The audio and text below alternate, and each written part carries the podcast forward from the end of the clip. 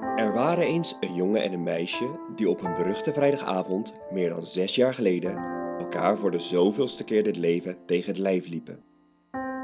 Die avond kusten zij elkaar voor het eerst kuis op de lippen, waarna ze elkaar niet meer loslieten. Beiden waren ze erg geïnteresseerd in de wereld om hen heen. Ze hadden dan ook vaak lange en diepgaande gesprekken over het leven.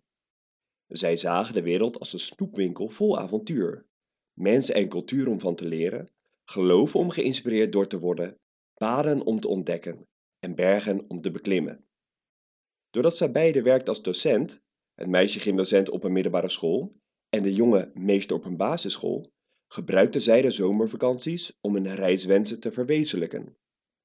Ze observeerden, raakten geïnspireerd, praten en praten en kwamen tot vele inzichten. Deze inzichten probeerde de jongen en een meisje zoveel mogelijk in het dagelijks leven toe te passen, maar van binnen bleef ze hongerig naar meer. Deze honger bracht hen meer dan een jaar geleden in de hoge bergen van Nepal, aan de ruige kusten van Australië en in de ongerepte natuur van Nieuw-Zeeland. Drie maanden lang zogen zij alles op wat er om hen heen gebeurde, en dit werd steeds bewuster voelbaar in hun binnenste. De kracht van een berg, de wijsheid van een oude boom en een bijna verliefd gevoel door een vlindertje op een bloem. Is geluk dan zo eenvoudig? dachten zij. Is er voor ons weinig meer nodig dan samen met een huisje op wielen ergens in de natuur zitten zijn? Maar het leven kan niet altijd zo zijn, toch? Er moest gewoon weer gewerkt worden, geld verdiend, terug in het gareel. Zo hoort het. Gepaard gaande met dit gareel vervaagden ook de toen zo intense geluksgevoelens. Ze waren nog wel aanwezig, ergens op de achtergrond, en in gesprekken konden ze nog teruggehaald worden. Maar het dagelijks leven zorgde ervoor dat het langzaam afgebrokkelde muurtje om hun gevoel weer opgebouwd werd tot een redelijk stevige vesting. In ieder geval stevig genoeg om goed te kunnen functioneren in het dagelijks leven met al haar hectiek. Maar was er dan verder niets veranderd? Sprookjes lopen toch altijd goed af? Jawel, er was zeker iets veranderd. Ten eerste hadden zij verschillende ideeën en dromen gekregen op reis, die zij als zaadjes voelden in hun binnenste. Hierdoor zagen zij vol vertrouwen hun toekomst tegemoet. Sommige zaadjes waren zelfs al aan het wortelen, en als ze hier goed genoeg voor zouden zorgen, wisten ze dat de eerste blaadjes vanzelf zouden ontstaan.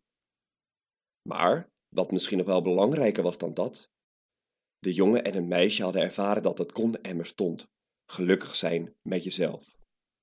Sterker nog, dat het hier begint. De fysieke reis was dan misschien voorbij, maar de innerlijke reis ging verder. Boeken en ontmoetingen brachten inzichten, waardoor de jongen en het meisje steeds bewuster gingen leven. Ook voelden zij steeds bewuster wat het leven met hen, maar ook met de anderen deed. Van ploetemoeders tot gestreste zakenlui. Veel mensen leken meer te overleven dan echt te leven. Op een dag zeiden de jongen en een meisje tegen elkaar: Er gaat hier toch iets niet helemaal goed. Volgens mij hebben wij hier iets te doen. En vanaf dat moment werd hun doel helder. De verhalen willen verteld worden, de observaties en gevoelens gedeeld. Niet om mensen de les te lezen, maar om liefde en bewustzijn te verspreiden, zodat ook anderen op zoek gaan naar hun eigen dromen diep van binnen. En hiermee eindigt het sprookje en begint de podcast. En dat vinden we superleuk.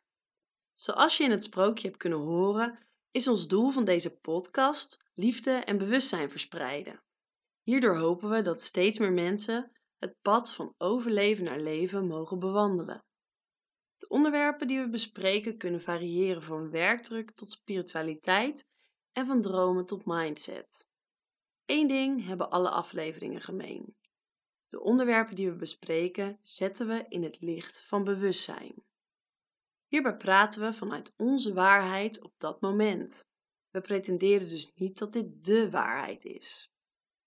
Middels het delen van onze ervaringen, zienswijzes, geleerde lessen, maar ook onze struggles, hopen we je te raken en te inspireren. De meeste afleveringen maken we samen en soms maakt een van ons een aflevering alleen. We hopen dat je net zoveel plezier hebt aan het beluisteren als dat wij hebben aan het maken van deze podcast. Van overleven naar leven. Voor meer inspiratie en om op de hoogte te blijven van de nieuwste releases, volg onze van Overleven naar Leven Instagram.